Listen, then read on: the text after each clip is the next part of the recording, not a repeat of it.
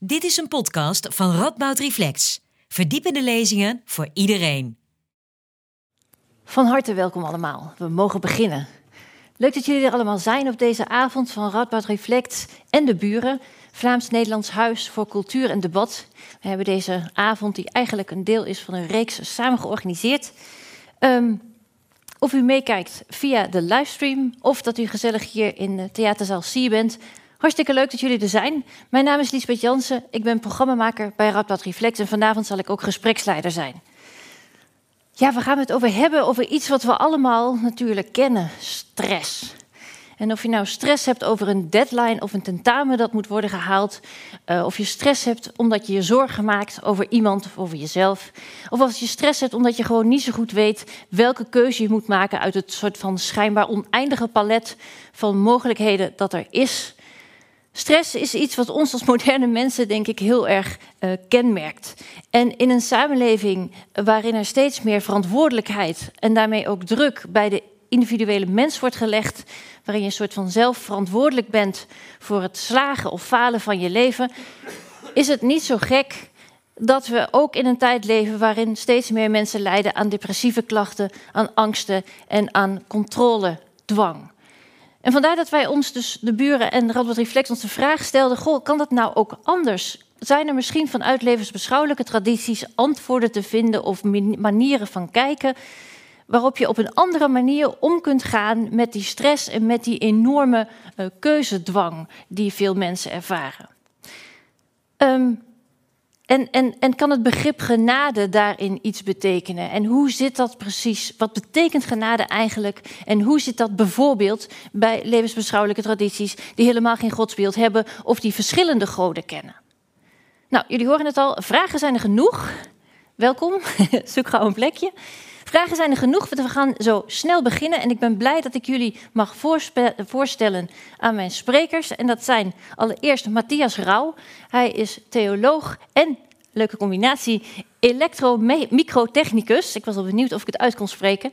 Hij, uh, hij raakte gefascineerd door de theologie van de woestijnvaders, van de eerste uh, kerkvaders, zo gezegd. Mensen die de woestijn introkken om daar als monniken te leven. Uh, en van daaruit heeft hij verschillende boeken geschreven, zoals uh, Zonder Schuld en uh, Levenslessen van de Woestijnvaders. Um, hij geeft eigenlijk een korte lezing, korte 12 minuten ongeveer, een soort inleiding op dit thema. En vervolgens gaat hij in gesprek met Adelheid Rigo van de Vrije Universiteit in Brussel. Zij is humanismekenner en docent bij het postgraduaat Praktisch Humanisme van de Vrije Universiteit Brussel. Uh, en ze doet vooral onderzoek naar ethische vragen rondom het begin en het einde van het leven. Nou, en last but not least, Paul van der Velder, uh, hoogleraar Aziatische religies aan de Radboud Universiteit. Um, hij weet alles over het boeddhisme en over heel veel aanverwante uh, stromingen. Hij is een ervaren reisleider en als u hem een beetje kent, dan weet u dat er regelmatig boeken van zijn hand verschijnen, zoals recent In de huid van de Boeddha.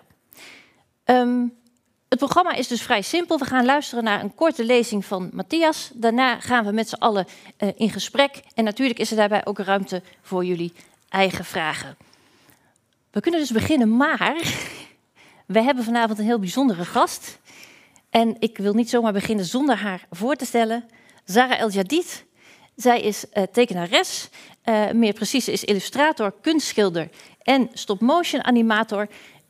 En ze gaat vanavond, en ik vind het zelf echt heel bijzonder, want we hebben het ook nog nooit gedaan. Ze gaat live uh, tekenen. Ze gaat live tekenen wat, wat de haar eigen indrukken van wat hier zo dadelijk door de sprekers wordt gezegd. En dat resulteert in een mooie afbeelding die ze aan het eind van het programma hier op de schildersezel gaat zetten. En uh, ik ben nu al heel benieuwd. Fijn dat je er bent, Sarah. ik heb genoeg gepraat. Ik geef graag het woord aan Matthias Rauw.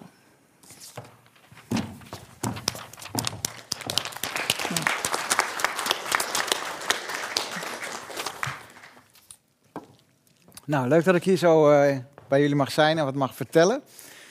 Um, ja, mijn achtergrond. Ik ben inderdaad micro-elektrotechnicus aan de Universiteit van Enschede. Maar ik heb ook um, ja, wortels en ontwikkeling van het vroege christendom gedaan in de Universiteit van Utrecht. En uh, ja, Die beide combineer ik altijd. Uh, ja, en vanuit die kennis hoop ik jullie wat te vertellen over hoe het zit specifiek in het christendom en dan ook nog specifiek het vroege christendom. Hoe keek men daar uh, ja, naar stress en genade? Want ik dacht inderdaad, ik kan het ook hebben over hele concrete zaken die nu misschien spelen. Hè? Je, je tentamen of de oorlog. ook allemaal bronnen van stress in ieder geval. maar ja, goed, als je christelijke traditie zit, dan bekijk je dat toch altijd een beetje op een meterniveau. In de zin van uiteindelijk vindt alles zijn oorsprong, eh, van, komt van boven eigenlijk. En van daaruit moet je naar beneden zingeving vinden. Dus ik ga het vooral even hebben over deze paar minuten die ik heb, over ja, het godsbeeld en het mensbeeld. En ja, dat zal zich automatisch dan kunnen vertalen in hele praktische zaken. De woestijnvaderbeweging. Nou, weinig mensen weten het misschien, maar het is een hele beweging uh, van monniken die zeg maar, vanuit de steden de Egyptische woestijnen introkken. En de allereerste is Antonius de Grote. En als je er één van kent, dan ken je wellicht Antonius. Uh, Antonius ja, die leefde rond het midden van de derde eeuw. En, ja, en, en ja, zelfs een stukje eroverheen. Uh, en hij wordt wel de grondlegger van de woestijnvaderbeweging genoemd. Dus de monniken die de woestijn introkken om daar ja, hun weg met God te vinden. Ja, als God alles is, dan moet hij ook voor alles kunnen zorgen. Dus ja, laat alles wegvallen en, en kijken wat er overblijft tussen jou en God. En misschien ken je dit plaatje niet van Antonius, maar wellicht deze. Misschien wat leuk, wat handen. Wie kent dit plaatje? Ik hoop in ieder geval een paar. Oké, ja. Weet iemand ook welke schilder? Dali, ja precies. Dit, dit is een heel klassiek schilderij, uh, de verzoeking uh, ja, van Antonius in de woestijn. Ja, dus prachtig uitgebeeld. Iets meer kunstiger dan eh, misschien dat, eh, de voorgaande icoon. Um, maar hij is degene die eigenlijk begon. Hij hoorde in de kerk een verhaal waarin zij: verkoop alles wat je hebt en je zal volmaakt zijn. Nou, dat leek hem wel een eenvoudig recept. Dus hij verkocht gewoon alles wat hij had en trok de woestijn in op zoek naar volmaaktheid. Nou, jarenlang zat hij ja, in een fort en hij verschillende steden heeft hij gewoond, uh, woestijn, uh, ja, steden, een fort, heel lang ook, zo'n 30 jaar, 40 jaar. En daar leefde hij in zijn eentje. Zijn vrienden gooiden brood over de muur, want ja, de poort zat gewoon dicht en hij, hij zat daar veel te bidden en te zingen en met demonen te vechten zelfs. Er zijn prachtige verhalen over geschreven, een biografie van een tijdgenoot. Um, en uiteindelijk zijn mensen zo ja, van wat gebeurt daar nou binnen in dat fort? Want ze hoorden van alles, maar ze wisten niet. En uiteindelijk, na zoveel jaren, trappen ze de deur van het fort in. En dan gebeurt iets heel bijzonders. Antonius komt naar buiten en hij als een verlicht iemand. Hij ziet er wel overwogen uit. Niet verontrust door de menigte, maar geheel en al in balans staat. En dan staat er ook dat God door hem mensen geneest. Dat hij woorden van wijsheid heeft. En dat heeft zo'n grote aantrekkingskracht dat mensen zeggen, nou als je dat kan bereiken, ja, dan wil ik daar denk ik ook wel alles voor opgeven. En een hele stroom van mensen komt in beweging. En dit is een rijtje van, uh, uit die eeuwen. Uh, Johannes de Dwerg, die was, die was heel klein, wat de naam ook zegt. Mozes de Donkere, die was vrij donker. Uh, de Grote was gewoon een waanzinnige uh, woestijnvader. Pagomius ook, die bracht eigenlijk het, het woestijn, uh, ja, naar het westen. Hè, vandaaruit zijn ook eigenlijk het hele westerse monasticisme is daaruit gegroeid. En Johannes van der Ladde, die schreef ook een heel groot boek. maar er zijn honderden hoor. En het mooie is, die verhalen zijn ook bewaard gebleven, die spreuken. Als je googelt op woestijnvaderspreuken, nou, dan kom je echt een hele bundel tegen met allemaal ja, mondelingen spreuken die later op schrift zijn gesteld. En uh, ja, van die uit, vanuit die traditie begon men uh, God te zoeken en genade te zoeken. En te ontstressen eigenlijk op een bepaalde manier. Van, want als je richting hebt, dan weet je welke kant je op wil. Hè. Dat, dat is eigenlijk de grote truc van uh, ja, de stress ontvluchten. Even terug naar het mensbeeld en het godsbeeld. Er is een quote, die wil ik in zich heel voorlezen, omdat het wat laat zien ja, hoe die monniken ja, te werk gingen. En wat voor beeld ze met zich meedroegen. Ik lees er voor. Iedereen is geschapen naar het beeld van God. En ieder van ons is ook beschadigd. Maar stel je eens voor dat je een prachtig oud schilderij krijgt, een meesterwerk die beschadigd is door de tijd, door omstandigheden of bewust kapot gemaakt. Dan zou je het toch behandelen met voorzichtigheid en bewondering, met een zorgzaam hart. Wij zouden niet in eerste plaats aandacht schenken aan het feit dat het beschadigd is. Nee, maar aan de tragiek van de beschadiging. We zouden ons concentreren op wat er van over is, van haar schoonheid, en niet op wat verloren is gegaan. Denk maar aan restaurateurs. En dat is wat wij moeten leren met betrekking tot een ieder mens als individu. Maar ook, en dat is niet altijd even makkelijk, met betrekking tot groepen mensen. Of het nu gaat om je parochie, familie, werk of kerk. We moeten leren kijken. Kijken tot we de onderliggende schoonheid van die groep mensen hebben gezien. Pas dan kunnen we beginnen iets te doen om al die schoonheid die er is naar boven te halen. Luister naar andere mensen en telkens wanneer je iets opmerkt wat waar klinkt, dat een openbaring is van harmonie en schoonheid, benadruk dat en help het te bloeien. Versterk het en moedig het aan om te leven. Dat is de houding waarmee zij naar God keken en waarover ze dachten naar zichzelf en naar anderen. Het was eigenlijk één grote reparatieoperatie. Als mens zijn we beschadigd, dat is heel universeel. Dingen gaan niet goed, ongeluk overkomt je. Het is niet allemaal koek en ei. Oorlogen aan de gang. Maar waar let je op?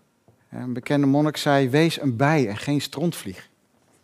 Strontvlieg gaat op de stront zitten, dus die ziet altijd dat wat vies is. Maar een bij, die zoekt net zo lang in een, vieze tuin tot het een mooie bloem vindt en gaat daarop zitten. Zo moeten we zijn als mensen. Het mooie aandacht geven en de rest niet. Tenminste, niet in positieve zin, niet in slechte zin, wel in positieve zin. Dus als je iets slechts ziet, dan moet je het mooi gaan maken. En dit is een heel bekend verhaal, wat misschien velen van jullie kennen, staat in de Bijbel. Het verhaal van de barmhartige Samaritaan. En dat was eigenlijk hun verhaal om te laten zien hoe je je als mens door de wereld uh, begeeft. Want Jezus, dat is de Samaritaan in dit verhaal, uh, is het ultieme voorbeeld. En wat je daar ziet, een mens, zie je, die wordt aangevallen, linksbovenin, door de demonen. En demonen kunnen voor alles zijn. Dat kunnen je eigen hartstochten zijn, maar ook het kwaad wat je overkomt, een oorlog. En dan lig je gewond op de grond, maar je kan niet meer opstaan, want je bent verzwakt. En wat er dan gebeurt is, dan komt Jezus langs, iemand met compassie, met bewogenheid, wat een voorbeeld is voor wat iedereen eigenlijk zou moeten kunnen zijn. En dan til je zo iemand op. Je gaat het mooie in iemand zien en je gaat het heel maken. Je gaat het restaureren. En in christelijke zin geloof je dan dat God je daarbij helpt. Het is geen solo-opdracht, dus je kan het niet aan God overlaten, je kan het niet aan jezelf uh, overlaten, maar die samenwerking, ja, die geeft dan eigenlijk een soort synergie. Eén en één is dan in één keer drie. Genade, Kyrie eleison, die, die kreet ken je wel. Ik ga naar een Oosters-orthodoxe kerk en dat zeggen we echt honderden keren in een kerkdienst. En die eleison, dat, dat is ook olie. Dat, dat, dat, dat zit daarin. Dus genade heeft de connotatie van olie. Wat je met olie? Daar, daar verzorg je een wond mee in, in die tijd. Want dat maakt het zacht en, en dat, dat, dat heelt het. Dus dat zit ook in, daarin gebakken, in die vroege uh, theologie. Johannes Chrysostomus, ook een hele belangrijke monnik en kerkvader, die zei: De kerk is een ziekenhuis voor de zielen, geen rechtbank. Ze is er niet om de mens, om de zonde te veroordelen, om de ziekteverschijnselen ervan terug te dringen. dus we hebben de mogelijkheid gekregen als mens, zegt, zegt de vroege kerk, om goed te doen. dat geeft een verantwoordelijkheid. Dus niet zozeer een stress dat je, dat je iets moet doen, maar je hebt een mogelijkheid gekregen. En het is doodzonde om dat te laten liggen. Dus als je die genade hebt gekregen, dan moet je daar eigenlijk ook weer moeten. Moet je daar eigenlijk ook van uitdelen. Want die verantwoordelijkheid heb je eigenlijk gekregen. Dus zo werkt die stress van, ja, van het moeten eigenlijk wel door in een soort verantwoordelijkheid. Die je mag nemen, omdat je die mogelijkheid hebt gekregen. Een ander verhaal is die van de akker. Want hoe kijk je dan naar jezelf? Je hebt die verantwoordelijkheid gekregen en genade is om uit te delen, maar is ook voor jezelf. En daar is ook een heel mooi Bijbelverhaal over, wat de vroege kerk gebruikte om dat duidelijk te maken, waar die verantwoordelijkheid ligt. En dat is het verhaal van de akker. En de vroege kerk zegt, jij bent de akker. Jouw verantwoordelijkheid is om die akker vruchtbaar te maken. En dat doe je samen met God. Er kunnen distels zijn op de akker in je leven. Dat is drukte van het leven die je overwoekert. Er kunnen stenen zijn, als je het hebt over stress, twijfel, waar je op stuk loopt. Dat je het even niet meer weet. Er kunnen, kunnen wegen zijn, platgetraden treden of paden van dingen die je wel weet, maar die je zo vaak hebt gehoord dat je, dat je er ongevoelig voor bent geworden. Dat moet allemaal worden weggehaald uit je akker om het vruchtbaar te maken. dus dat, je, God zegt eigenlijk, je moet een soort gerichtheid hebben op mij. En dan kunnen al die heb je de kracht om die dingen op te pakken, om de stenen er zelf uit te halen, om de distels eruit te halen, om de weg om te ploegen. Dat is allemaal werk wat je zelf moet doen. En dan, dan kan God dat zegenen, zeggen ze. Dus dat is die synergie van je doet zelf iets en dan, dan beantwoordt God dat. En zo blijf je eigenlijk in beweging. Word je eigenlijk steeds een mooie mens. Wordt dat, dat beeld wat God in je heeft gelegd, zegt de christen, dat kan door de zichtbaar worden. misschien is dat wel overwoekerd, maar door daar zelf met ascetische oefeningen mee aan de slag te gaan, zegent God dat en wordt dat eigenlijk die innerlijke schoonheid van wat God is, die in ieder mens ligt, wordt zichtbaar. Dat zeggen de monniken. Ja, en wat er dan kan groeien, ja, dat is natuurlijk prachtig. Ja, wat zijn dan die vruchten die op kunnen komen? Liefde, vreugde, vrede, geduld, vriendelijkheid, goedheid, vertrouwen, zachtmoedigheid, zelfbeheersing. Nou, dat zijn natuurlijk de unieke, of niet unieke, dat zijn natuurlijk hele generieke dingen die dan op kunnen komen. En, en is niet iets om trots op te worden, hè? Want, want God zaait en God laat ook groeien. Een, een boer kan niet trots zijn dat hij het graan heeft laten groeien. Heeft hij niks aan gedaan. Maar hij heeft wel de akker vruchtbaar gemaakt. Dus hij kan die condities scheppen waarop God zijn werk kan doen.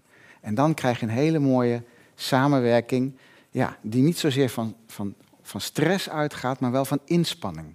Een inspanningsverplichting. Maar wel met iemand die je daarbij helpt. En zo vindt die balans eigenlijk plaats tussen stress en genade. Je hebt de, je hebt de praxis, het juiste doen. En je hebt de genade die je krijgt. Hè. Je, je eert degene die jou de genade geeft. En die moeten in balans zijn. En natuurlijk kunnen gedachten je te neerdrukken en voor verwarring zorgen. En een andere beroemde kerkvader heeft gezegd: hè, of gedachten je last, lastig vallen of niet, daar kun je niks aan doen. Snap je? Dus je, ja, dat overkomt je ook. Hè, dingen komen visueel op je af uh, tactiel. Je hebt allerlei organen, gehoren, die, waarop zaken binnen kunnen komen en dingen kunnen, kunnen triggeren. Maar hoeveel ruimte geef je dat? Laat je dat zaad zijn wat je in de akker valt?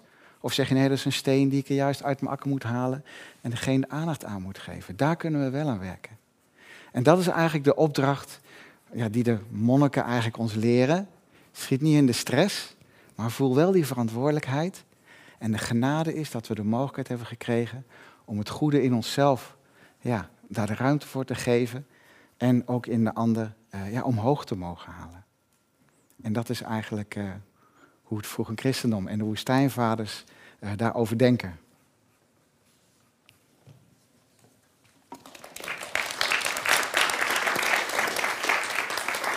Dankjewel Matthias. Ga lekker zitten. En Adelheid en Paul, misschien willen jullie mij vergezellen op het, ja, hier op het podium.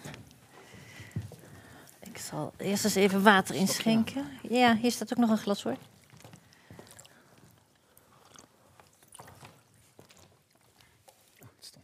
Ja. Willen jullie zelf water inschenken? Dan. Dankjewel, Matthias. Dat was, dat, was, dat was interessant. Je hebt volgens mij allerlei gedachten aangereikt... waarvan veel mensen misschien niet eens wisten, hè, die kerkvaders, dat ze überhaupt bestonden. Maar ik dacht, voordat we gaan vergelijken, voordat we gaan kijken naar wat het humanisme en het boeddhisme hierover zouden kunnen zeggen, misschien toch handig om nog even helder te pakken of zo van wat is nou precies genade? Waar hebben we het dan eigenlijk over? Ja.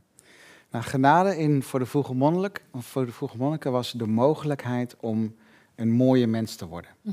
Dus uh, ja, we, lopen tegen onze eigen zwakheden aan, de limitaties van de natuur en omstandigheden. En op een bepaalde manier kun je daar bovenuit stijgen. Um, en ja, en dat, dat, dat beeld wat wij dragen als mens, wat God in ieder mens heeft gelegd, om dat zichtbaarder te laten worden voor de ander ook. Zodat je, de ander ook iets van God in jou kan zien. Maar en hoe werkt dat dan? Want als je het zo zegt, dan denk ik, dat klinkt voor mij juist heel erg als ik moet presteren en ik moet mijn beste zelf worden en alles uit het leven halen enzovoort. Ja, nou, het is eigenlijk meer een soort van uh, in de wasmachine gooien. Weet je? Dus, um, het is, ik, ik ervaar geen stress als ik mijn spullen in de wasmachine gooi. Terwijl er gebeurt van alles. Mm -hmm. weet je, er wordt schoongemaakt. En uiteindelijk komt het er mooier uit. Dus dat is eigenlijk waar een monnik mee bezig is. Hij, hij is zichzelf in die wasmachine aan het gooien. En die wasmachine is gewoon het christelijke leven. Dus uh, je, ja, je doet de dingen die christelijk zijn. En dat is een soort schoonmaakactie, zeg maar. En de genade is dat dat werkt. Want ja, anders ben je alleen maar met jezelf bezig. Um, dat is het wasmiddel. Ja, nou ja, als je het zo inbiedig, oneerbiedig mag zeggen, ja, dat is zeker. Ja, ja. En, en de genade is, is dat dat effect heeft. Dus, dat je daar zelf eigenlijk geen invloed op hebt, toch? Is het wat je. ja, dat, dat, dat cadeautje? Ja, dat, ja, het mooie is dat die samenwerking werkt. En um, dat we weer iets van die oorspronkelijke schoonheid uh, en, of heelheid, uh, dat dat überhaupt weer mogelijk is. Hè? Met de komst van Jezus is dat weer mogelijk geworden. Hè? Jezus die schiep dat eigenlijk, herschiep dat in de mens weer. Mm. Die mogelijkheid om weer contact te hebben met God en een soort eenheid te ervaren. Dat klinkt allemaal heel wollig en zo en heel geestelijk, maar het is, is zo praktisch als de monniken dat deden. Dus gewoon je, je toeleggen op de, op de deugden, vriendelijkheid, goedheid, trouw, rechtvaardigheid. Maar daar ook heel praktisch dat te cultiveren door, dat, door bijvoorbeeld ehm, te bidden voor mensen. Dat betekent eigenlijk standaard je aandacht richten op iets. En als dan een gedachte in je opkomt, dat je dat dan ook doet. Dus als je iemand tegenkomt die, uh, die op de grond ligt, een zwerver bijvoorbeeld, hè, dan, dan geef je dat geld gewoon. Of je zegt tegen iemand, wat heb je nodig? Het is een prachtig verhaal van een, van een woestijnmonnik die, die naar de, de, de, markt ging om een paar matten te kopen, want die hadden ze gevlochten. En ik kwam daar een, een zieke buitenlander tegen, een vreemdeling. En uh, ja, hij had die matten en denk van ja, ik kan die matten wel verkopen, maar ik kan nu goed doen. Dus hij nam die man mee. Hij huurde een huisje. ging die matten verkopen om de huur te betalen. Tot die man beter was. En, en ging toen weer naar huis. Dus het goede wat je kan doen, uh, doe dat ook. Weet je, je, hebt je, krijgt daar kracht voor, zeg maar, door je te richten uh, op, op het goddelijke. Ja. ja. ja, dank je. Ik ben echt benieuwd, hè, Adelheid en Paul. Als jullie dit verhaal nu hebben gehoord over hè, het vroege christendom en hoe er daar gekeken wordt hoe het aangekeken wordt tegen hoe je omgaat met de dingen die op je pad komt.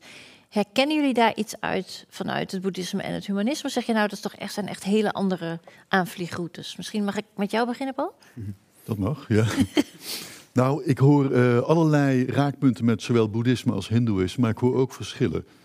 Uh, ik moet daarbij allereerst opmerken dat uh, boeddhisme en hindoeïsme absoluut geen eenheid zijn, allebei niet. Dus je komt zeer veel verschillende voorstellingen tegen. Als ik kijk naar het oude boeddhisme, dus wat we dan tegenwoordig de Theravada school noemen, daarin speelt genade nauwelijks een rol. Dat is er gewoon niet. Je moet het allemaal zelf doen. Uh, daarbij kun je wel de onderrichtingen van de Boeddha volgen, et cetera. Maar de Boeddha zelf doet niks voor jou. Dat kan niet, want die is weg in het nirvana. Kijken naar het Mahayana-boeddhisme en Vajrayana, de latere ontwikkelingen. Daar speelt uh, genade wel een hele grote rol. Er is zelfs één bodhisattva. Hij, soms is hij ook een boeddha, Samantha Badra. uh, ongekende ja, Badra genade, zou je zeggen. Dus daar speelt genade wel een hele grote rol. Daar hebben de, die, die hemelse wezens hebben ook echt een actieve functie. En je Wat kunt jezelf ook al. Sorry? Wat doen ze dan, die Wat doen ze? Oh, ze helpen jou het pad van de Boeddha. Ze helpen jou om, om, om jezelf te zuiveren. Dat, dat is er heel duidelijk. Dat speelt in het latere boeddhisme een hele grote rol. En het is zelfs in bepaalde scholen, zo heb ik toevallig vandaag college over staan geven, uh, dat er scholen zijn die dus ervan uitgaan dat ieder wezen in feite die zuivere boeddha-natuur in zich draagt en daarmee ook kan doen wat een boeddha of bodhisattva moet doen. Namelijk het uitdragen van wijsheid en mededogen. En mededogen is actief, wijsheid is inactief, mededogen is actief. Onder andere de vorm van genade. En kijk ik naar het hindoeïsme, dan moet ik heel sterk denken aan uh, de middeleeuwse Bhakti-stromingen, de devotionele stromingen. Zeker Zuid-India, de, de, de Tamil-devotie. Waarbij tussen uh, mens en God een relatie speelt, een liefdesrelatie, Anbu geheten. En die Anbu die is er. Hè. God trekt de mens aan, of, of het wezen aan, want de dieren geldt het ook voor. En de wezens worden aangetrokken door God. Maar God heeft de actie van Arul, genade. God kan genade uitoefenen en kan daarmee zelfs karma lostrekken. Kan een wezen redden van karma. Het is zelfs in bepaalde scholen zo dat karma wordt gezien als de rechtstreekse verbinding tussen de ziel, dus tussen het wezen en het goddelijke. Dus karma is niet zozeer al jouw fouten of goede dingen bij elkaar. Nee, het is de verbinding. En er wordt er zo gekeken, um, er vallen allerlei vergelijkingen dan die ook in beelden worden uitgebeeld. Je hebt de godheid Shiva, je hebt de stier, dat zijn wij dan, hè, de Pashu, het dier. Daartussen zit een band, Pasha. En uh, Pasha is karma, maar is ook genade. En de, de godheid kan daaraan trekken, maar als, als jij de genade van die godheid wilt hebben, als je God wilt oproepen, dan trek jij als stier aan dat touw waarmee je vastzit aan het goddelijke. Dat, dat, komt van beide kanten. Beide kanten ja, En dat is die verbondenheid. Die verbondenheid. Ja. Waarbij dus Anbu in eh, liefde is die wederzijds bestaat, maar Arul, de genade, die komt van God. Die hebben wij niet. Dat is een kracht die God dan opgeeft. God kan zo geraakt zijn daardoor, dat hij toestormt en jou inderdaad redt, karma afsnijdt, helemaal mee naar de hemel. Prachtig hemels lichaam krijg je dan een een en al jolijt. En wat, eh, en wat is het dan waarmee wij trekken? Is dat dan de liefde? Ja, ja. devotie, liefde, overgave, uh, dat soort kwesties. Overdragen voor ook van, van je imperfectie. Hè? Want de gebrokenheid waar je net ook over sprak. Hè? Mm. Ik hou zo van gebroken mensen, werkelijk. Uh, ja, die, perfecte mensen allemaal, nee, we hebben te maken met gebroken mensen. Ik heb, ik heb die term eigenlijk van Lieve Trog, die hier vroeger werkte. Um, de gebroken mens, daar hebben we in praktijk mee te maken. En dan kom je inderdaad bij die heelmeester waar jij over sprak. Um, er zijn manifestaties van de Boeddha als Bhaisaj Guru, de heelmeester. De dharma, de leer van de Boeddha, is het medicijn van de wereld. Daarmee is de wereld te helen. Voorbij aan uh, de gebrokenheid. Want, um, dat moet ik ook nog even bij zeggen, uh, wij zien tegenwoordig in het moderne boeddhisme vaak allerlei mogelijkheden voor stressbestrijding, stressreductie, uh, burn-out voorkomen, et cetera. Maar het oude boeddhisme zou veel eerder zeggen, nee, uh, die stress die kun je veel beter inzetten om te beseffen dat deze wereld nooit perfect wordt. Je kunt de stress wel wegnemen, maar het volgende probleem doet zich meteen voor. Het is veel beter te begrijpen, nee, uh, je moet de wereld onder ogen zien en beseffen dat het niet zonder meer goed komt. Ja, en ik ga je nu even afkomen, want hier wil ik het dadelijk toch over hebben. Oké, oké, oké. Ik ben nu heel benieuwd, Adelheid, hoe jij vanuit het humanisme, wat ja, geen oh. godsbeeld heeft, dat wat ja, natuurlijk in het humanisme, de term zegt het zelf, humanisme, daar speelt een God speelt niet. Hè. Daar gaat het eigenlijk, uh, het vertrekpunt is de mens en zijn medemens en de wereld hier en nu die hem omringt. Mhm. Dus um, een humanist is eigenlijk iemand die uh, op een ethische, democratische manier het recht heeft, maar ook de verantwoordelijkheid om zijn eigen leven vorm te geven en zin te geven. En ja, ik hoor hier ook heel regelmatig de term van heelmeester. En, van, en ik denk dat daar zeker een gelijkenis is. Zij dat bij ons iets verticaler. Je ziet dus ook dat zelfs binnen georganiseerde vormen van vrijzinnig humanisme er huizen van de mens zijn, althans in België, waar men bij mensen die stressgerelateerd of niet, maar het kan ook door een, een existentiële gebeurtenis zijn die, die op je pad komt, die eigenlijk de zin van het leven niet meer zien, waar, waar de betekenis stopt, dat, dat je eigenlijk niet meer weet waarom je leeft. En samen met een counselor, een, meer ervaren bergbeklimmer in uh, zo'n huis van de mens, gaat men dan in een soort van narratieve dialoog, hè, waarbij er presentie is, maar waarbij je in die dialoog ook terug in de eerste plaats de cliënt die het vraagt helpt om de waarden die belangrijk zijn voor hem, om die terug te vinden, om die vorm te geven. Maar anderzijds is het ook een dialoog waarin die andere als mens met zijn waarden, met zijn zingevingsproblematiek in dialoog treedt en eigenlijk op die manier het verhaal mee construeert. Daar zie ik toch wel heel veel gelijkenissen mhm, met wat Paul en Matthias zegt. Natuurlijk, in het humanisme is er is er geen God die dan onze inspanningen nog eens oliet en, en ons genade geeft. Maar het is natuurlijk een zeer um, weldoend gevoel dat er iemand nabij is, een medemens, die inderdaad ook in dit leven naar zin en naar betekenis moet zoeken. En die samen met jou dat pad wil gaan. En dat kan heel helend zijn. Dus dat is denk ik, wanneer je het heel concreet kijkt, een, een uh, manier waarop we helend te werk gaan uh, wanneer je het dan hebt in, een, ja, in de context van een uh, georganiseerde vrijzinnigheid. Ja. Als jullie willen reageren, mag dat uiteraard. Hè? Ja, ik ben even aan het nadenken, want het, is wel heel anders. Ja. Dus de, de, de, de Ja. terminologie komt inderdaad overeen. maar de- ik moet dan denken aan. eh, Het is een goddelijke opdracht, dat is heel grappig in de Bijbel. God zegt op meerdere plekken: Wees heilig, want ik ben heilig. Dat is eigenlijk heel raar, want het enige waarvan je zou zeggen wat God anders maakt dan ons, is dat Hij heilig is. Hè? Volslagen anders. En maar God zegt: Ja, dat is allemaal leuk, maar jij, jij ook. Dus Ehm, als je het hebt over een zingeving, zit eigenlijk intrinsiek in, die, in, in God verborgen, wat de mens mag zijn.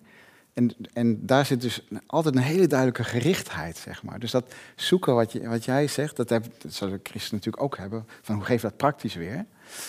Maar het is heel duidelijk dat je, dat je de richting bepaalt, nou, je doel bepaalt de richting waarop je gaat. Hè? En, en dat is dus, ja, dat is wel heel concreet, denk ik, in het christendom opgesloten. Dat is wel Ja. anders. Maar het feit dat je naar zingeving zoekt, is natuurlijk intrinsiek. Ja. Ja, en ik denk ook de ethische waarden waarover jij spreekt, ja, je brengt ze heel duidelijk onder, het wo- onder woorden. Hè, maar het humanisme heeft ook bepaalde waarden eh, die, die heel belangrijk zijn, zoals de mens die ja, autonoom en voor zichzelf zijn leven mag ontwerpen, eh, mag zin geven.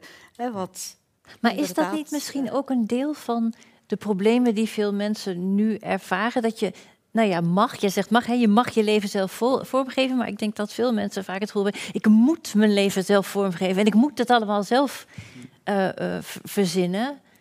Ehm, wel, ehm, eh, moeten is dubbel. Er is geen plicht om eh, jezelf te ontplooien of om eh, expliciet over zingeving of waarde na te denken. Integendeel, ik denk dat mensen dat vaak pas doen wanneer ze zich minder goed beginnen te voelen, wanneer het leven stopt of wanneer ze geconfronteerd worden met iets. Dus, maar anderzijds, ehm, eh, autonomie is een waarde die het humanisme erg in het vaandel draagt, maar het is ook vooral respect hebben voor de autonomie van de andere hè, en voor de manier waarop de andere dat invult. En brengt dat stress mee? Wel, ehm, ik, ik denk niet noodzakelijk, omdat men ook wel spreekt van een soort secundaire autonomie. Je kan je ook bij een van de grote levensverhalen of religies, je kan daar inderdaad ook wel eh, ja, een, een, een synergie vinden met, met datgene wat jou raakt, wat jouw waarden zijn. En dat kan er inderdaad toe leiden hè, dat, je, dat je een keuze maakt op basis van iets dat niet helemaal uit jezelf komt, hè, maar, maar dat je ziet en dat, dat je omringt.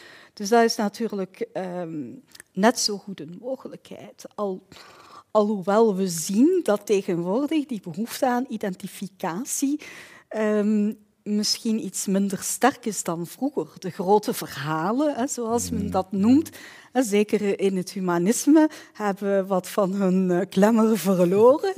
en eh, ja, we- wij zien ook dat wanneer het om georganiseerde vrijzinnigheid gaat, mensen niet dadelijk een lidkaart voor het leven kopen, maar wel zeggen, ah ja, we gaan iets doen voor de eh, vluchtelingen uit Oekraïne of eh, we werken samen aan eh, een doel, eh, een ecologisch doel.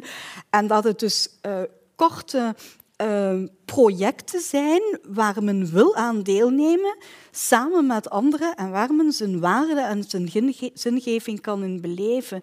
Maar dat die eh, ja, misschien wat chronologisch zijn en wat, ehm, ja, wat, wat persoonlijker, ehm, eh, minder aansluitend bij inderdaad eh, wat grote verhalen als eh, waarheid geven. En ik begrijp jouw vraag. Dat houdt inderdaad in ehm, ja, dat je die, die, identificatie voor het leven niet hebt. Met alle voor- en nadelen daarvan. Ja. Eh, Ja, Paul? Ja, ik, ik, ik zie bij, je, je noemt die de grote verhalen, Adelheid.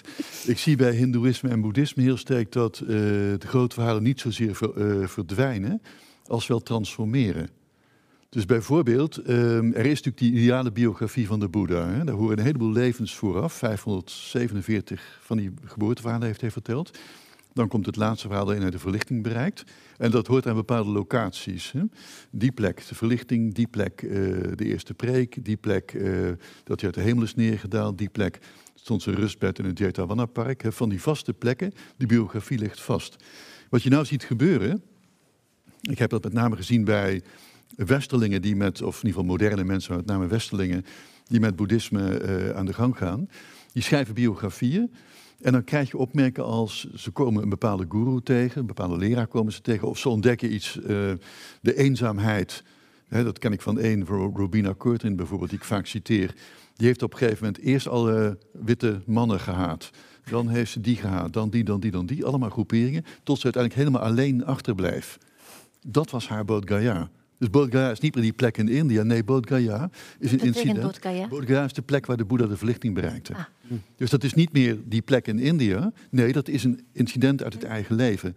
En dan zie je dus een soort uh, transformatie, een vertaling van uh, de ideale biografie van de Boeddha naar je eigen leven toe.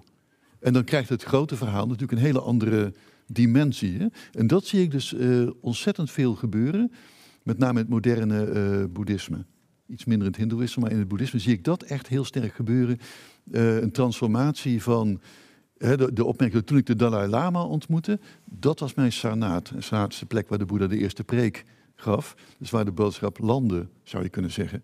Dus die transformatie zie ik heel duidelijk. Van dat, het iets, dat locaties dingen buiten je zijn, waar je naartoe kunt gaan, naar dat, dat iets, binnen iets van jezelf. jouw eigen spirituele, of om het zo, zo maar te noemen, spirituele, religieuze, hoe dan ook, leven wordt. He, dus uh, een biografie die eigenlijk zich moet voltrekken langs een aantal plekken die echt concreet aanwijsbaar zijn in India. Die, want dat zijn echt de plekken daar. En een verlicht wezen hoort daar de aarde aan te raken, hoort daar te preken. Dat is allemaal vastgelegd, dat hoort zo. Maar dat wordt iets wat, ja, wat zich voltrekt terwijl jij gewoon in jouw eigen omgeving bent. En maakt dat een verschil? Um, nou, mensen benoemen het op dezelfde manier. Ja. Het verschil zit natuurlijk heel erg in, uh, pas je in een traditie, pas je minder in een traditie. Ja, in Azië, boeddhisten passen in een traditie, die kennen al die verhalen. Voor mensen hier is het vaak iets nieuws wat ze tegenkomen. En ze komen een heel nieuw uh, verhaal tegen, het verhaal van de Boeddha, et Dat kennen ze misschien wel uit hun vroege jeugd nog wel, maar het wordt heel anders als je echt met die praktijk aan de gang gaat. En dan zie je echt een, ja, een, een metaforische lezing, om het zo te zeggen. Een, een, lezing die eigenlijk over locaties gaat, waar stenen liggen, waar beelden staan, et cetera. Wordt iets, een vertaalslag naar je eigen leven toe. Ja, ja, het is wel, wel interessant, want jij zegt nu iets over een vertaalslag van, van vroeger naar, naar nu. Ja. Um, want we hebben het natuurlijk over drie oude tradities. Nou, dat geldt voor het humanisme minder dan voor het christendom en het boeddhisme, maar toch, het is ook al enkele eeuwen oud. Er worden dingen gezegd vanuit door mensen die in een hele andere tijd leefden, die, die, die nou ja, hele andere levensomstandigheden hadden. En toch zeggen jullie eigenlijk alle drie van er worden dingen gezegd waar we nu ook nog iets aan zouden kunnen hebben. Waar, zit hem dat in? Ja, ik denk in, als je kijkt naar het vroege christendom, dat is natuurlijk ook uh, relatief, ja, op, de, op de schaal van de mens ook relatief jong. Maar um, ik, ik, dus ik, vond ook wat jij zei, van die, die versplintering eigenlijk, wat, die individualisering die je ziet, die hebben we natuurlijk in christendom al heel lang geleden meegemaakt, rond de 1600, 1500, begon natuurlijk uh, het protestantisme. En ja, tot die tijd had je eigenlijk maar één kerk, de Oost-Orthodoxe kerk. Toen splitste dat rond 1100, Oost-Orthodox en katholiek. En in 1600 versplinterde het in ja, tienduizenden religies. En door middel van het postverlichtingsdenken, de scholastiek, dus dat ging, iedereen werd, uh, ja, werd zijn eigen gelovige. Dat, dat ging intern. Dus in plaats van dat je de kerk nodig had, een concreet, concrete plek om te geloven, ja, kwam he, de God in ieder mens. En dat betekende dan, volgens de reformatoren, dat je, jij alleen voor God stond. En verder niemand meer. En maar hoe komt het dat we nu juist weer terug vergrijpen, niet zozeer naar de reformatoren, ja, dat doen natuurlijk mensen ook, maar ja. juist naar die kerkvaders? Daar ben ik een voorbeeld van. nee, wat, wat ik zie om mij heen is dat juist mensen weer behoefte hebben aan uh, toch wat structuur. Hm. Dus dit, dat, dat, individualisme is natuurlijk belangrijk geweest om los te komen. Maar uh, ja, als je helemaal los bent, sta je ook maar alleen. Weet je? En dan moet je inderdaad of elkaar weer zoeken en daar een soort zingeving in vinden. Of toch weer even een stapje terug gaan. Uh, en kijken van, wat hebben we misschien een kind met het badwater weggegooid? En zijn we zo versplinterd dat we ook iets van de kracht van het verhaal verloren hebben. En dat zie je eigenlijk wel uh, gebeuren in het, in het christendom. Dat mensen soms weer, juist weer teruggaan. Mm -hmm. um, dus die versplintering is geweest. We hebben nu 50.000 protestantse kerken of zo. Is volgens mij nog wel meer. En nu beginnen mensen wel te denken van ja, maar dat is natuurlijk ook niet het antwoord. Uh, dus ja, om een soort, ja, toch weer een soort eenheid te krijgen, want daar heb je toch wel behoefte aan kennelijk. Uh, anders ben je continu op zoek naar, ja, waar leef ik voor? Als je het allemaal uit jezelf moet halen. Uh, zie je dat mensen toch wel weer een soort gezamenlijke grond, een ecumenische grond krijgen. En voor mij persoonlijk was dat juist het vroege christendom. En voor alle versplinteringen, uh, ja, daar een soort grond vinden waarvan ik denk ook van ja, daar moeten we elkaar nog wel weer even kunnen vinden. In de tijd van de verhalen, in de tijd van God als geneesheer in plaats van God als rechter, weet je wel. Uh, ja, ze zegt van juist in een tijd waarin mensen, nou, ik denk veel ervaren dat er versnippering is en hè, polarisering en, en nou ja, van alles en nog wat, hebben we behoefte aan aan kaders, aan, aan een bepaalde structuur. een soort, een soort bodem, weet je wel. Je kan natuurlijk je kan alles zelf verzinnen. En iedereen doet dat ook niet vandaag de dag. Ja. Dus als je een mening hebt, dan maak je een Instagram aan. Of, en dan heb je daar je podium, weet je, of, of je, een Twitter-kanaal. Dus, dus dat, ja, dat, is niks, ja, dat doet iedereen, weet je. En, en, ja. als je alles kan kiezen, dan heb je eigenlijk de vrijheid opgeheven. dus, dus vrijheid vier je ook door juist uh, jezelf beperkingen te stellen. Ja. Ja, absoluut. Leg uit. Nou, dan moet ik mijn favoriete filosoof Kierkegaard aanhalen. Nee, maar als je alles kan kiezen, mm -hmm. dan, dan heb je geen richting meer. Dus Kierkegaard zegt heel duidelijk, als je alles kan kiezen, heb je eigenlijk de vrijheid verloren. Omdat alles mogelijk is. Dus ja, je hebt geen kader meer. Ja. Dus juist door, door een kader te stellen kun je vrijheid vieren binnen de ruimte, binnen die ruimte die je voor jezelf creëert. Um, en dan kun je ook kiezen. Snap je? Ja. En dan heeft kiezen ook een, een, een, richting. Want je gaat richting een bepaald doel of je loopt Precies, een bepaald pad. Als je zelf kader stelt, dan doe je dat omdat je een doel hebt. Daar wil je Ja. iets mee bereiken. Um, en als je een doel hebt, en dan kun je ook een richting kiezen. Dus die, die, Ja. die versmalling, uh, ja, die, die geeft je de ruimte, gek genoeg, paradoxaal genoeg, om, om een kant op te kunnen Ja, gaan. ja. En dan kun je ook aan jezelf werken, dan kun je ook aan de wereld werken. En uh, als, je, ja, als je dat voelt. Ja. Paul, je zei net al even, hè, van, eh, voor veel mensen in het Westen wordt juist het boeddhisme gezien bij uitstek als een soort stressreductie, eh. Hoe, hoe zit dat precies? Ja, dat is, eh, het boeddhisme als stressreductie is eigenlijk een westerse ontwikkeling. En met name in de mindfulness en de zen, et cetera. En het is helemaal niet zo Aziatisch. Dat is eigenlijk hier ontwikkeld. Weliswaar op basis van Aziatische ideeën. Als je de boeddhistische meditatie gaat beoefenen, dan heb je als bijverschijnsel stressreductie. Dat klopt. Je wordt daar rustiger van. Je, kunt, je leert jezelf beter eh, kennen. Je hebt de zogeheten shamatha-oefeningen, waardoor je dus je zintuigimpressies eh, kunt inkaderen. Dat maakt je tot een rustiger mens en daardoor kun je ehm, de stress van het bestaan beter aan. Dat, dat werkt ook zo. Maar het is een bijverschijnsel van het pad. Het is niet het doel. Ja, want de Boeddha zou, eh, ja, we kunnen niet weten wat de Boeddha precies gezegd zou hebben, want nou ga ik hem dus dingen in de mond leggen. maar gun mij ook eens wat. hè. De Boeddha zou eh, zeker gezegd hebben: nee, het is beter om de stress aan te grijpen, om ervan doordrongen te raken dat dit leven niet perfect wordt. Boeddha zei vaak, gebruikte vaak vergelijkingen van genezing. De, eh, goudsmeden en genezing, daar sprak de Boeddha heel vaak over. Een goudsmid die uit rommel puur goud tevoorschijn haalt. En eh, de geneesheer die de patiënt geneest. Maar niet de ziekte geneest, maar de patiënt. Dat is een verschil. Hè? De ziekte aangrijpen tot genezing van het hele wezen. Nou is het wel zo, als je de, dat heet dan dukkha, hè, de imperfectie die het bestaan eigen is, vaak vertaald als leed. Hè, Boeddha zei sabam dukkam idam. Dat betekende eigenlijk niet alles is leed, maar alles is imperfectie. Niks duurt lang, alles, alles gaat voorbij. Je hebt geen vaste basis, hè, de basis waar jij net ook over sprak. Nou, ehm, de Boeddha zou zeggen, je moet die stress juist aangrijpen om van doordrongen te raken dat alles dukkha is. En de genezing ligt dan in het complete pad, niet alleen maar in de genezing van het ene aspect. Nou is het wel zo dat Azië natuurlijk altijd onvoorstelbaar pragmatisch is. Dus de Aziatische leraren die in contact kwamen, zo met name vanaf de jaren 60 met de hippie-generatie, eh, die zagen al vrij snel, nou deze mensen hebben al zoveel boeken gelezen, eh, niet nog meer boeken. Laten we dat nou niet doen. Dus die zijn al vrij snel begonnen met praktijk, meditatieoefeningen. En eh, zo ook, laat ze nou maar geen verhalen over reïncarnatie gaan vertellen of incarnatie of zo. Ze moeten al zoveel geloven.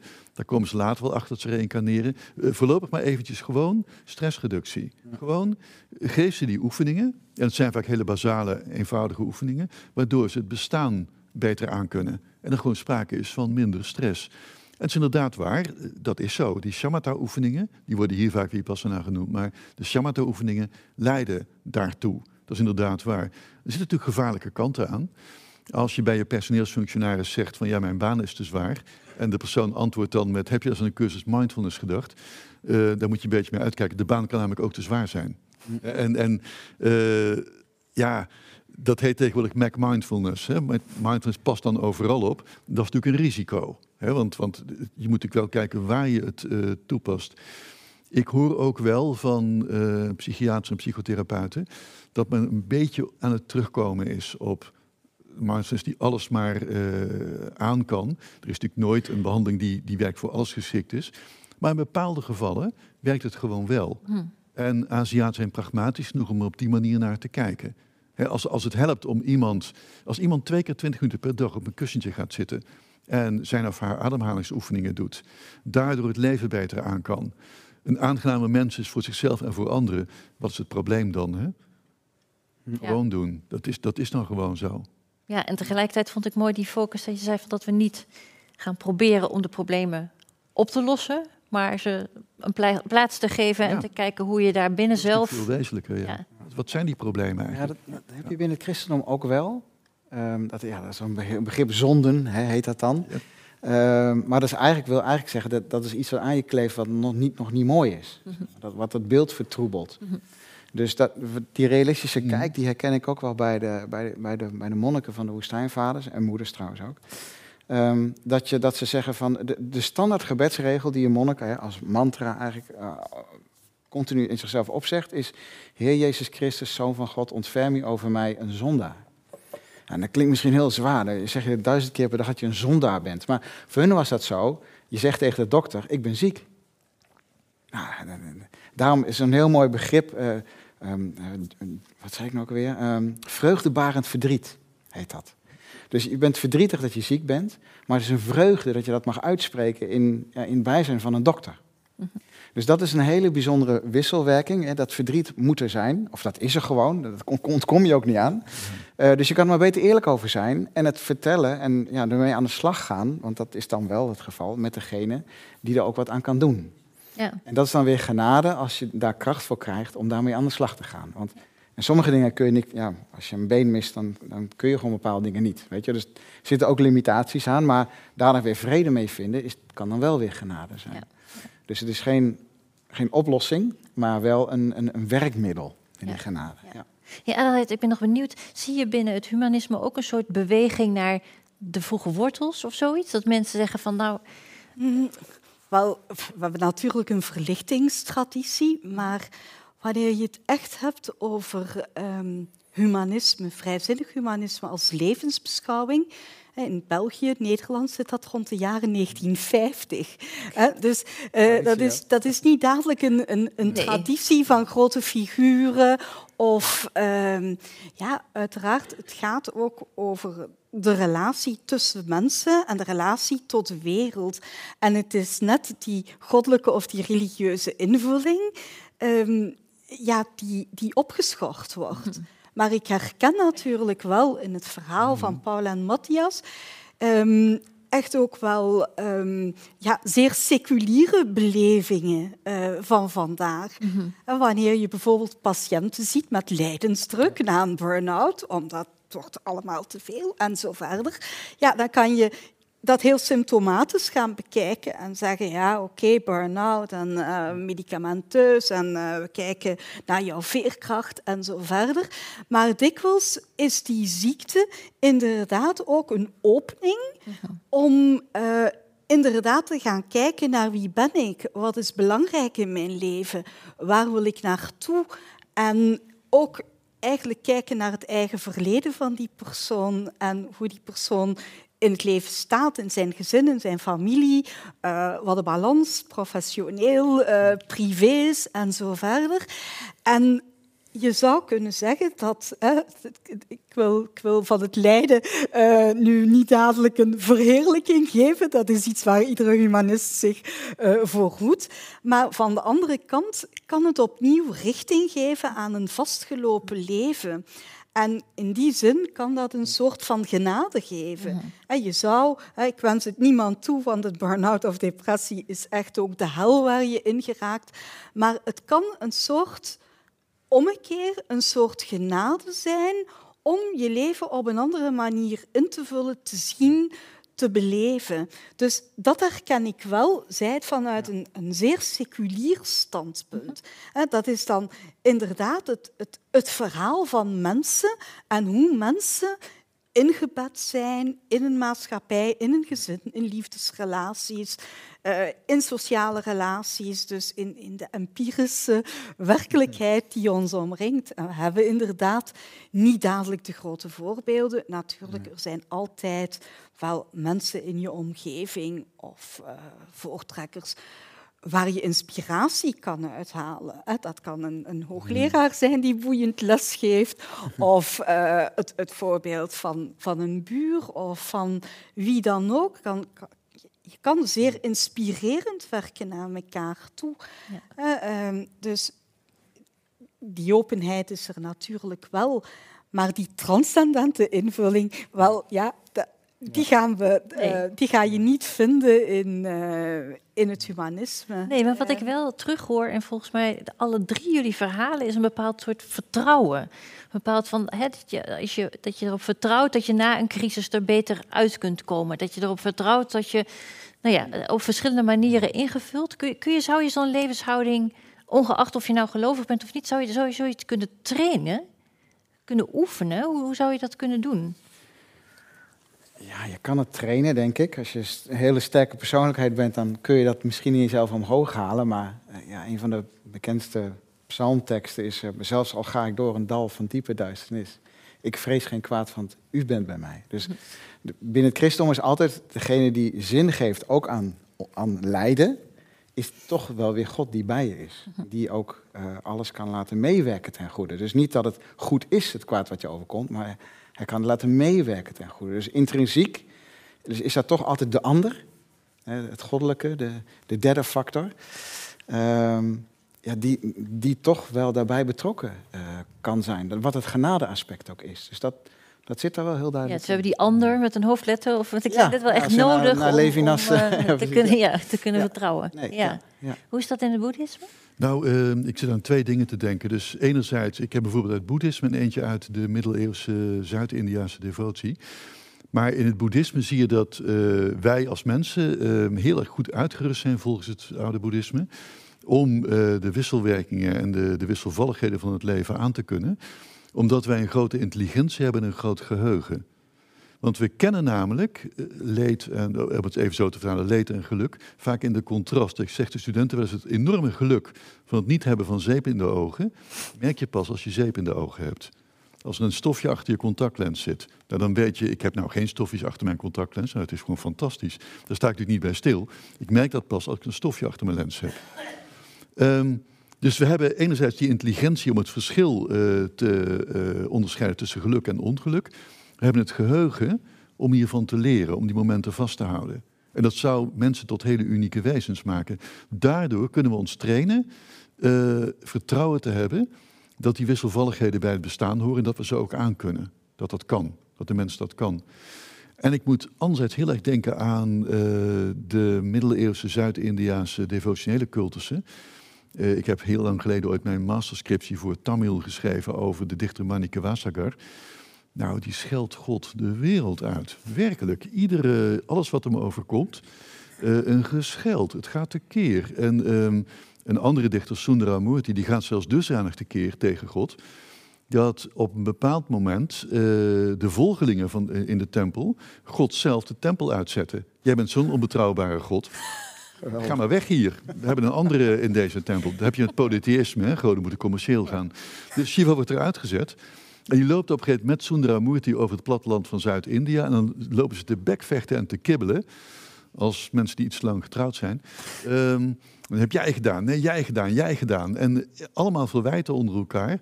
Ja, tot Shiva uiteindelijk. Eh, Manika, of, uh, Sundara is blind geworden, is twee keer getrouwd, allemaal gedoe. Shiva zet het allemaal recht en pas dan mag hij zijn tempel weer in. Hij moet het allemaal recht zetten. God heeft hier gewoon, of de, de, de mens heeft hier macht over het goddelijke. Met name door scheldpartijen. en dat is heel erg uh, de Zuid-Indiaanse devotie. Waarbij men ook zegt, als je iemand haat, denk je nog intenser aan de persoon dan wanneer je de persoon lief hebt. Dus de dvesha bhakti, de bhakti van de haat, wordt daar heel erg gewaardeerd. En men gaat tekeer. Nou, het is werkelijk op het onbetamelijke af. Ik zal de woorden hier niet herhalen.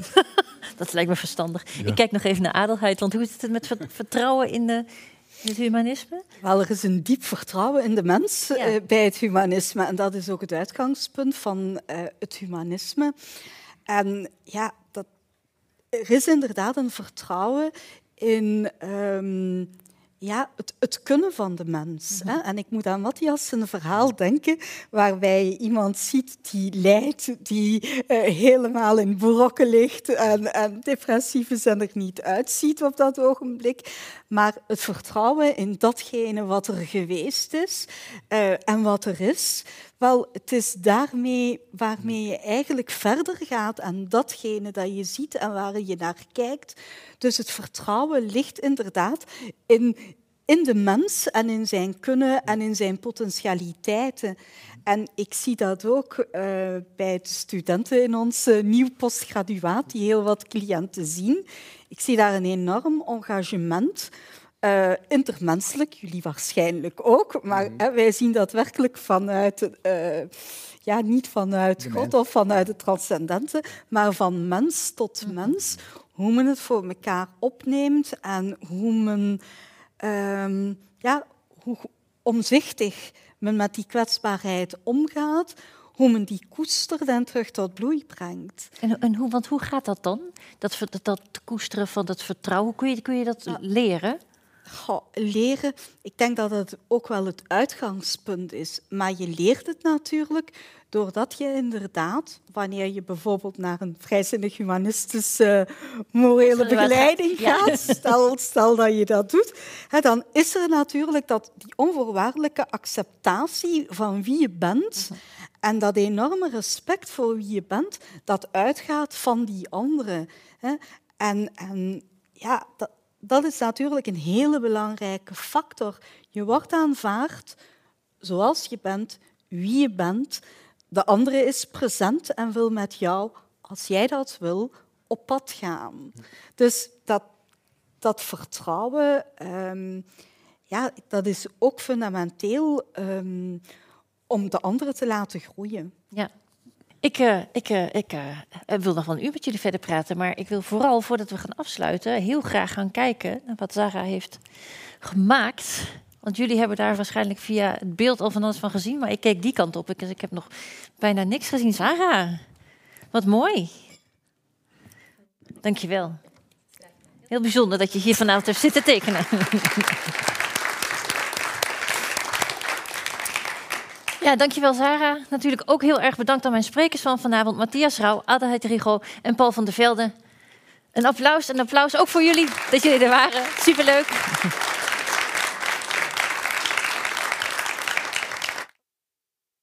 Het cultuurcafé, ik bedoel eigenlijk het theatercafé C is, eh, is nog open. Dan kunnen we nog even misschien een biertje drinken en met elkaar verder babbelen. En anders heel graag tot ziens bij een volgend programma van Radboud Reflex. Of wie weet ook bij de buren in Brussel.